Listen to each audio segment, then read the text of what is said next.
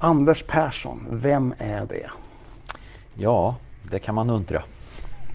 Jag är en värmlänning som är uppväxt här i Värmland och eh, flyttat tillbaka sedan ett antal år. Eh, men jag har jobbat eh, som pastor i många år. Jag är pastor i Missionsförbundet. Jag växte upp i Missionskyrkan och eh, läste sedan lite teologi på Lidingö och blev pastor 1987. Eh, sen har jag jobbat i några församlingar och så hamnade vi tillbaka här i Värmland och har eh, under den tiden så har jag jobbat dels med studieförbundet Bilda men också med eh, Sankt Lukas mm. under många år och sedan fyra år tillbaka så är jag sjukhuspastor. Och du har familj också? Ja, familj ja. Mm. En fru och tre vuxna barn som, och fem barnbarn har jag. Mm. Spännande. Mm. Du, det här med tro, alltså hur kom det sig att du valde att studera till pastor och att du överhuvudtaget hade en gudstro? Ja, jag tror att mycket av det har jag med mig ändå från barnsben. Jag är uppväxt rent fysiskt i Missionskyrkan eftersom mamma och pappa var vaktmästare och bodde på tredje våningen.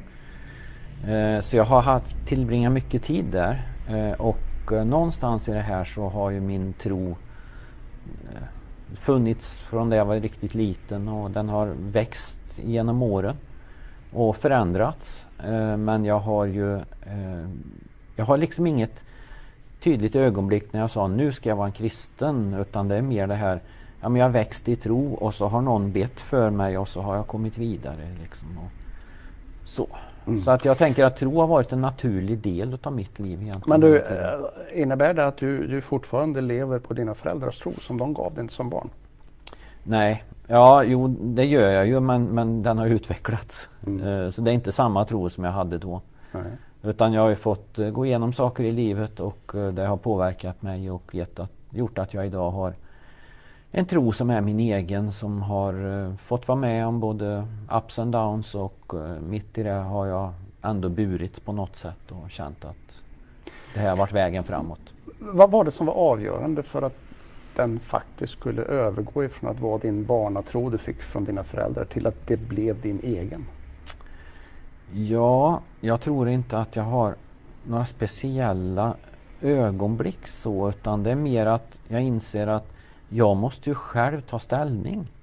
Jag måste ju själv inse att det här, om det är någonting som jag vill tro på så måste jag ju faktiskt våga göra någonting av det. Och då blir det att jag fick fundera mycket kring Jaha, men vad är det för tro jag vill ha då? Mm.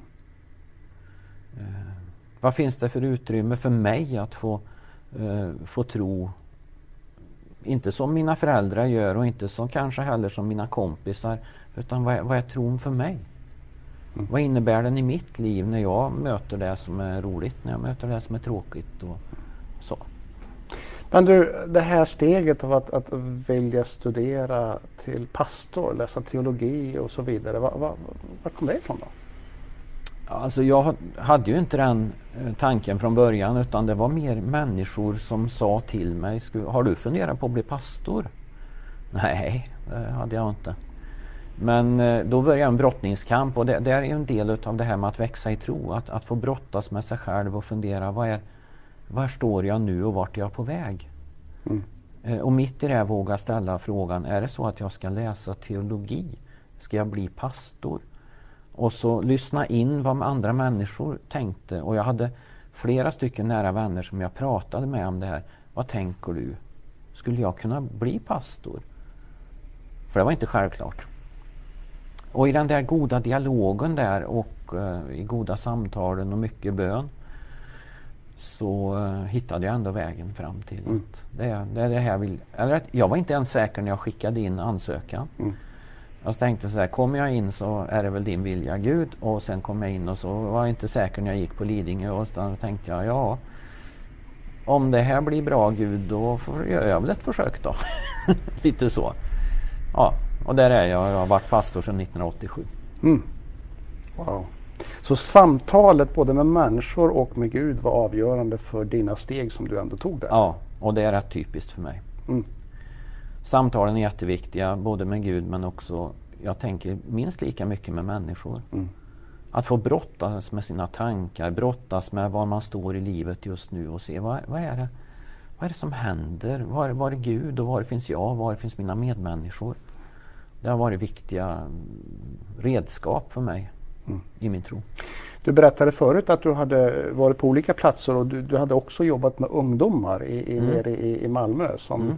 som uh, studentpastor och ungdomspastor och så. Mm. Va, vad tar du med dig från den tiden när du jobbar med ungdomar? Alltså jag tänker att ungdomar Kanske till skillnad mot många av de sjuka du möter nu. Det är klart du kanske möter ungdomar också men mm. Men ungdomar generellt sett har ju någon, ofta en tanke, ja men jag är odödlig och, och livet är framför mig och liksom det där med, med, med utmaningar och död och sjukdom ligger väldigt långt borta mm. för de allra flesta. Vad tar du med dig från den här tiden? Ja, men från ungdomstiden tar jag med mig ändå de många goda samtalen vi hade och även då fick vi ju brottas med olika frågor. Mm. Eh, alltså hur är livet och vart ska jag ta vägen och vem ska jag vara ihop med och, och vad blir det av mig? Och, Alltså både yrke men också val av partner. Och en, för en del så var det ju också sjukdom redan då. Um, och en del hade ju föräldrar som var sjuka. Um, fick jag vara mycket i närhet med dem och dela livet med dem. Mm. Så jag har med mig jag har med mig det goda samtalet men jag har också med mig den här känslan av att för, för en ung så är livet väldigt kort. Det är här och nu. Och om man skulle behöva göra en operation en sommar eh, och inte kunna spela fotboll till exempel så var ju det en katastrof. Mm. Men då kunde jag sitta där liksom och mumla för mig själv lite halvhögt. Ja, vad är en sommar i ett 75-årigt liv ungefär? Och så tittade den unge på mig och sa, men det har du helt rätt i. Jag ska klara den här sommaren också. Mm. Alltså det där att få, få dela livet och ge perspektiv så man anar att ja, men det är inte bara det jag står i just nu som är katastrof utan det finns någonting mer. Eh, mm. Och nu jobbar du som sjukhuspastor. Stämmer. Och, och, och, möter människor på sjukhuset. Vad innebär det? Jag sitter ju väldigt mycket i samtal. Det är ju min huvuduppgift och, och jag hamnade ju där redan från när jag var, läste på Lidingö. Då läste jag själavård och pastoralpsykologi under tiden i Malmö läste jag själavårdskurser och så vidare. Så att jag har liksom landat i det. Och jag trivs väldigt bra med att få dela livet med människor. Eh, många gånger handlar det bara om att få dela det som är här och nu. Ungefär som ungdomar. Men, eh, och ibland så är det människor som också vill att man ska be eller att man ska vara närvarande i samtalet med, med, med något bibelord eller så. Men de allra flesta handlar mycket om medmänsklighet, att få vara människa. Vad, vad, vad är det roligaste med att uh, göra det du gör just nu? Det roligaste är när jag kommer in på en sal och jag ser en människa som liksom har sjunkit ihop så här. Och så sitter vi och pratar ett tag och när jag går ut så är människan, har den rätat på ryggen. Mm. Det är fantastiskt. Och jag har inga trolleriknep. Jag har ingenting annat jag har Gud med mig och någonstans i det här så finns jag ändå eh, och är ett redskap för, för Guds rike. Men jag hjälper genom att vara närvarande och se de här människorna. Och när jag ser att de rätar på ryggen, då är jag jättebra. Mm. Så att se människor och få se skillnaden ifrån ett böjt huvud till ett upprest, upprest huvud. Mm. Det är liksom mm. ja, det, är mm. det som ger dig glädje och energi riktigt. Mm. Vad, vad är då det jobbigaste? Det jobbigaste i mitt jobb på, som sjukhuspastor det är när vi behöver ta avsked av ett litet barn. Eh, det händer tyvärr ibland, inte så ofta som tur är, men det händer och eh, det svåraste är ju att möta de här föräldrarna som precis har mist ett barn. Och eh, att få vara där och dela deras sorg för det fanns så mycket förhoppningar, drömmar, visioner allt man skulle göra och så är det inte så. Ehm, det är tufft. Och vi är ju ibland i, väldigt nära dem och kanske till och med får vara med när de vill lägga ner barnet i kistan. Ett litet barn som ska ner i en liten kista, det, det tar på. Mm. Det är tufft. Mm. Eh, men vi har stöd av varandra, vi i kyrkan, så vi hanterar det. Men det är tufft i situationen när man står där. Jag har ju en, en, en egen erfarenhet utav det här. Jag har ju fem barnbarn, fyra som finns i livet och så lilla Vera som tyvärr i vårt perspektiv fick, fick, fick lämna oss och återvända till himlen alldeles för tidigt efter bara en och en halvt dygn ungefär. Eh, så jag har ju mött det från den andra sidan då, upplevt det där. Vi, du och jag möttes inte då men, men, men eh, hade kontakt, nära kontakt med andra människor, pastor och, och så vidare. Eh, jag har en liten, liten erfarenhet, eller kanske stor erfarenhet utav vad det här kan innebära. Och då är min, min fundering till dig nu då, vad, vad säger man till ett föräldrapar som precis har mist sitt efterlängtade lilla barn? Mm. Ja, egentligen är det inte mycket att säga. Jag tänker att i första hand handlar det om närvaro. Att vara där, att se dem, eh, att se det här lilla barnet. Eh, på något sätt prata om det som har hänt och bara vara där. Det man kan säga är naturligtvis att jag, jag ser vilket vackert barn du har fått. Men tyvärr lever det inte. Alltså det handlar på något sätt om att göra dem att acceptera att det här har faktiskt hänt. Eh, fast det är så oerhört svårt. Mm. Så min, mitt jobb är ju i de här stunderna ofta att vara närvarande, att finnas där. Hålla en hand, lägga en arm om axeln på någon. Eh, ibland lånar jag barnet och håller det och tittar på det och pratar med det.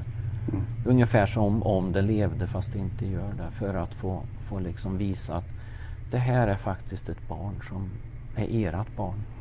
Mm. Men det finns inte här på jorden längre.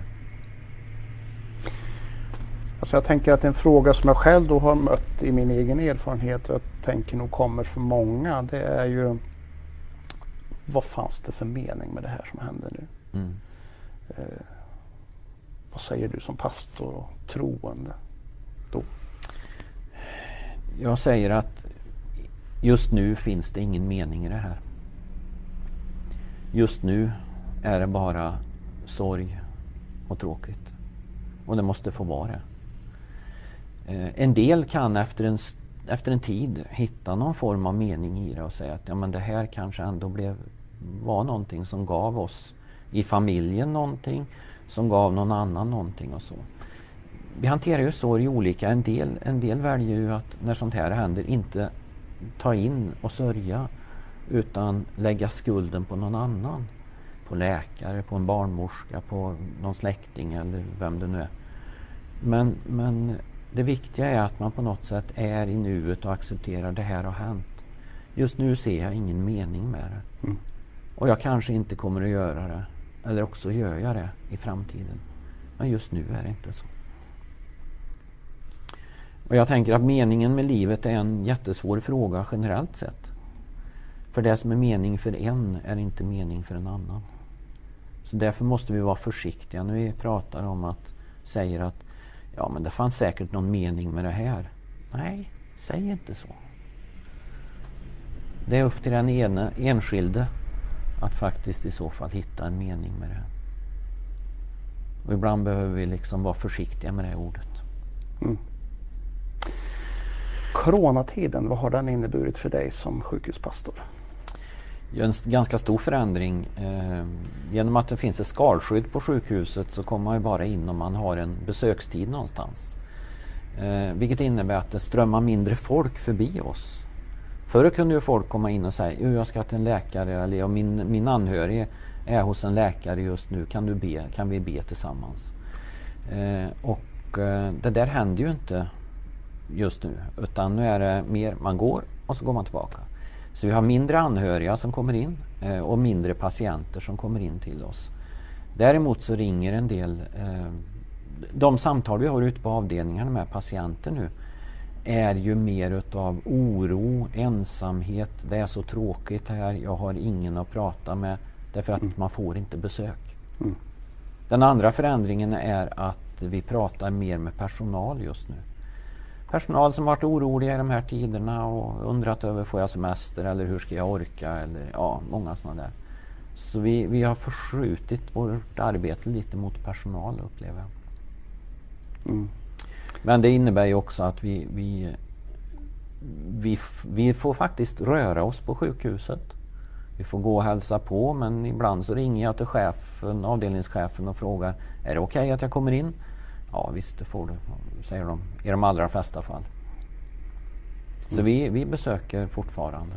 Du, den här ensamheten och oron som mm. du nämner, alltså hur, hur, hur, hur kan du hjälpa människor att hantera den? Alltså vi, vi försöker göra det vi kan genom att vara närvarande i samtal. Eh, det är vårt sätt att möta det. Eh, åtminstone inne på sjukhuset. Eh, den ensamheten som finns utanför är mycket svårare. Men där tänker jag att där behöver vi alla hjälpas åt och lyfta telefonen ibland eller prata i dörröppningen med någon eller över balkongräcket eller mm. vad det nu är för någonting. Men att vi faktiskt kommer ihåg och bryr oss om varandra, ringer varandra och tänker på varandra och ser till att vi inte blir för ensamma. Mm. Jag tänker att du möter ju människor, alltså du är en bärare utav tron, du har din prästkrage som på något vis signalerar att du är en representant för, för tron och för kyrkan. Eh, och så möter du, kan jag tänka mig, människor som kanske inte har en sådär jättetydlig eller uttalad tro. Kanske inte ens vet att man tror. Mm. Uh, hur, hur, kan du hjälpa de människorna? Jag tänker att mycket av mitt jobb är att vara medmänniska.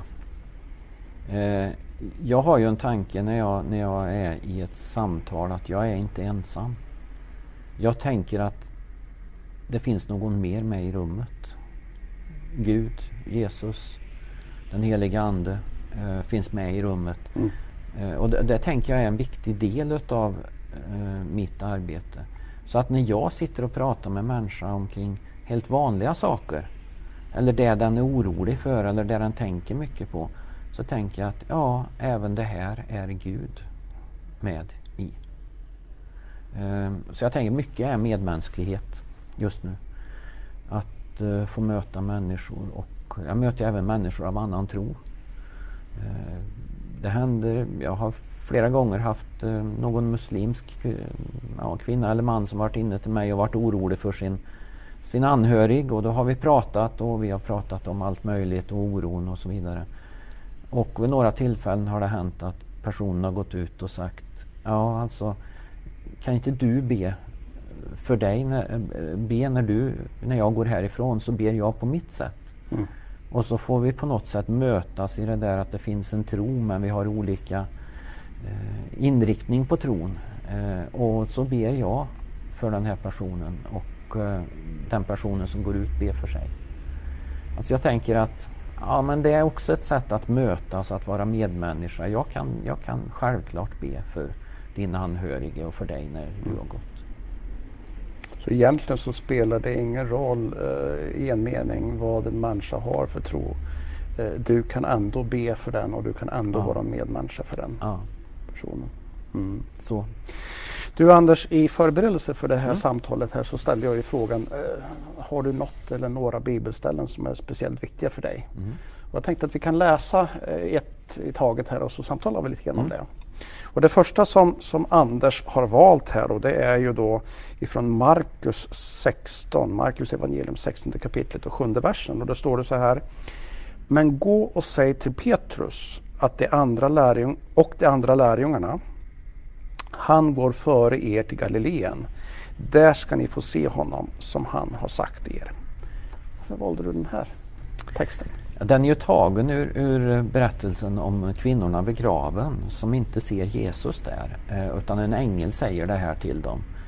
Och jag tänker att de är, in, de är i det flashiga Jerusalem men Jesus har redan gått före till det lite föraktade, nedvärderade Galileen där de ju är bönder till mesta delen. Och, och på något sätt säger det någonting om var Jesus finns. Han har redan gått före ut till de som inte har så enkelt, de som andra ser ner på. Det bär jag med mig när jag går in på en sjuksal. Oavsett vilket sjukrum det är jag går in på så tänker jag, här är Jesus redan. Mm. Han har gått före mig. Han finns där.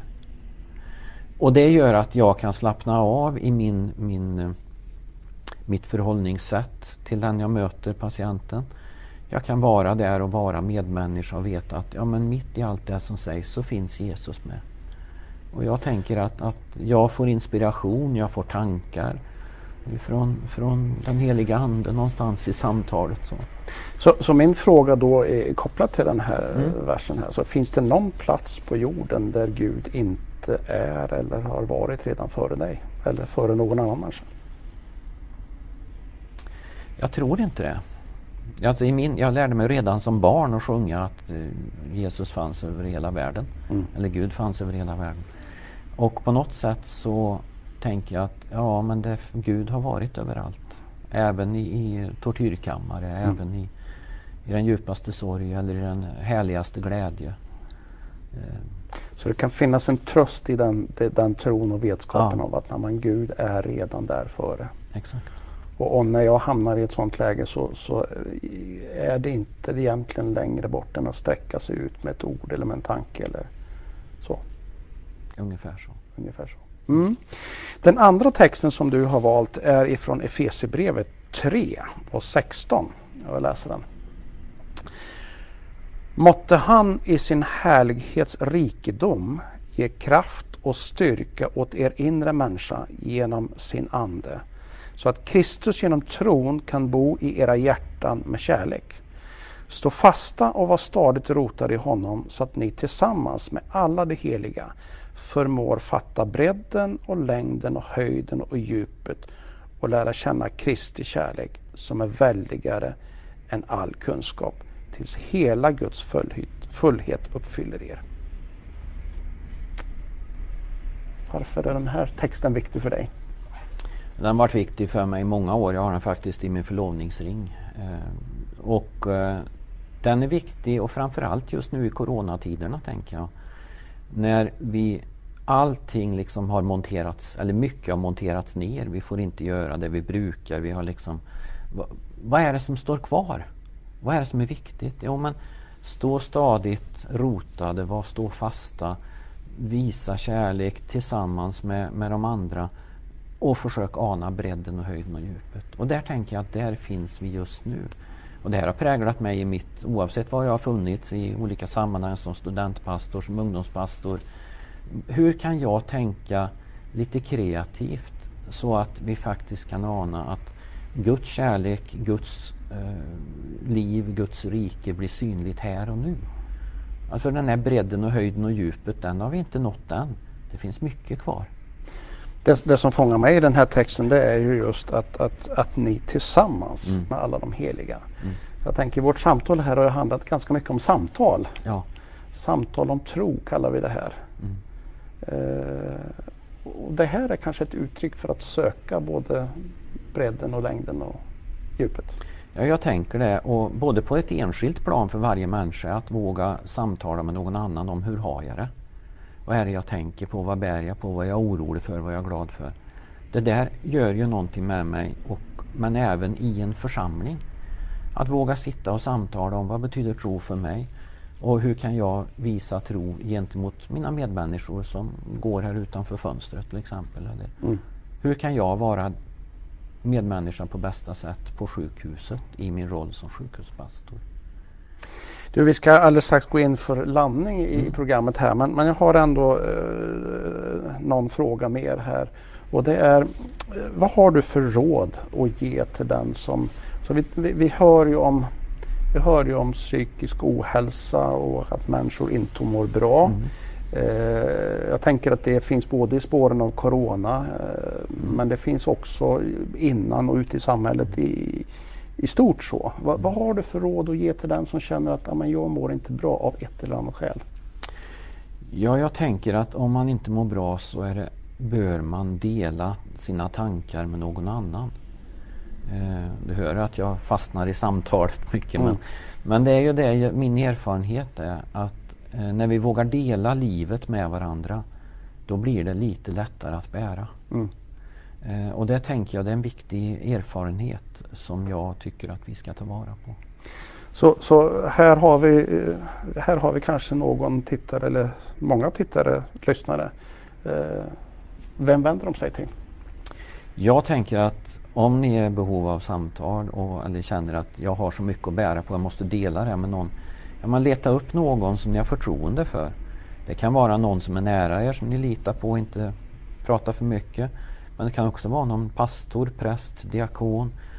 Det kan vara någon förtroende, någon, någon eh, som har förtroendeuppdrag i en församling eller så. Men alltså det viktiga är att hitta någon som man litar på och kunna samtala. Mm. För jag tror just det här som du och jag gör nu, att vi, vi tittar på varandra och, och att vi ser varandra det gör någonting med mm. oss när vi får dela tankar om livet. Vad har du för råd att ge till den som, som är en, en, en människa runt omkring eller i närheten av någon som um, kanske mår dåligt, alltså personen anar den här mår inte väl. Vad har du för råd att ge till den personen? Jag tror jag, att de finns kanske här ute också. Ja, jag tänker att om man är i närheten av någon så borde man försöka, ibland blir vi så rädda för att ställa frågor, vi ska inte störa. Men jag tror att det viktiga är att faktiskt våga samtala och, och prata. Så våga ställa frågor. Hur är det egentligen? Jag ser att du inte mår så bra. Hur, vad gör du om dagarna? Hur får du tiden att gå? Jag har hört att din pojkvän, flickvän har gjort slut. Hur är det för dig? Alltså, de här vanliga frågorna, jag tror vi behöver ställa dem till varandra. Och inte liksom tro att vi, vi, vi är några former av robotar som, som bara kliver på. Vi behöver, vi behöver få dela livet med varandra. Så att, våga vara den som ställer frågor skulle jag säga. Våga fråga, våga samtala. Mm. Öppna för ett samtal. Mm. Mm. Du, nu har jag bara en fråga kvar här mm. innan vi landar. Du, du sa någonting om att den som håller tyst eh, och du som sjukhuspastor och som pastor överhuvudtaget eh, har ju tystnadsplikt. Vad innebär det? Det innebär att det som sägs i det enskilda rummet, det kan vara en eller två som personer som är hos mig och i det enskilda rummet så eh, tar inte jag det utanför rummet. Går jag in på en sjuksal och pratar med en patient så får inte läkare och sjuksköterskor veta vad det handlar om. Ehm, möter jag en, en, någon på min expedition så kommer inte det som sägs utanför dörren. Vi, vi låter det få vara där det är. Och det är en trygghet för många. Mm. Och, och, det förhållandet gäller också med alla präster och pastorer. Och, ja. och här i vår kyrka så har vi något som vi kallar för det goda samtalet. Och alla som är med i det goda samtalet har också avgett de här tystnadslöftena av att inte föra vidare så. Mm. Tack Anders för att du kom hit. Tack för att jag fick vara här. samtala. Mm.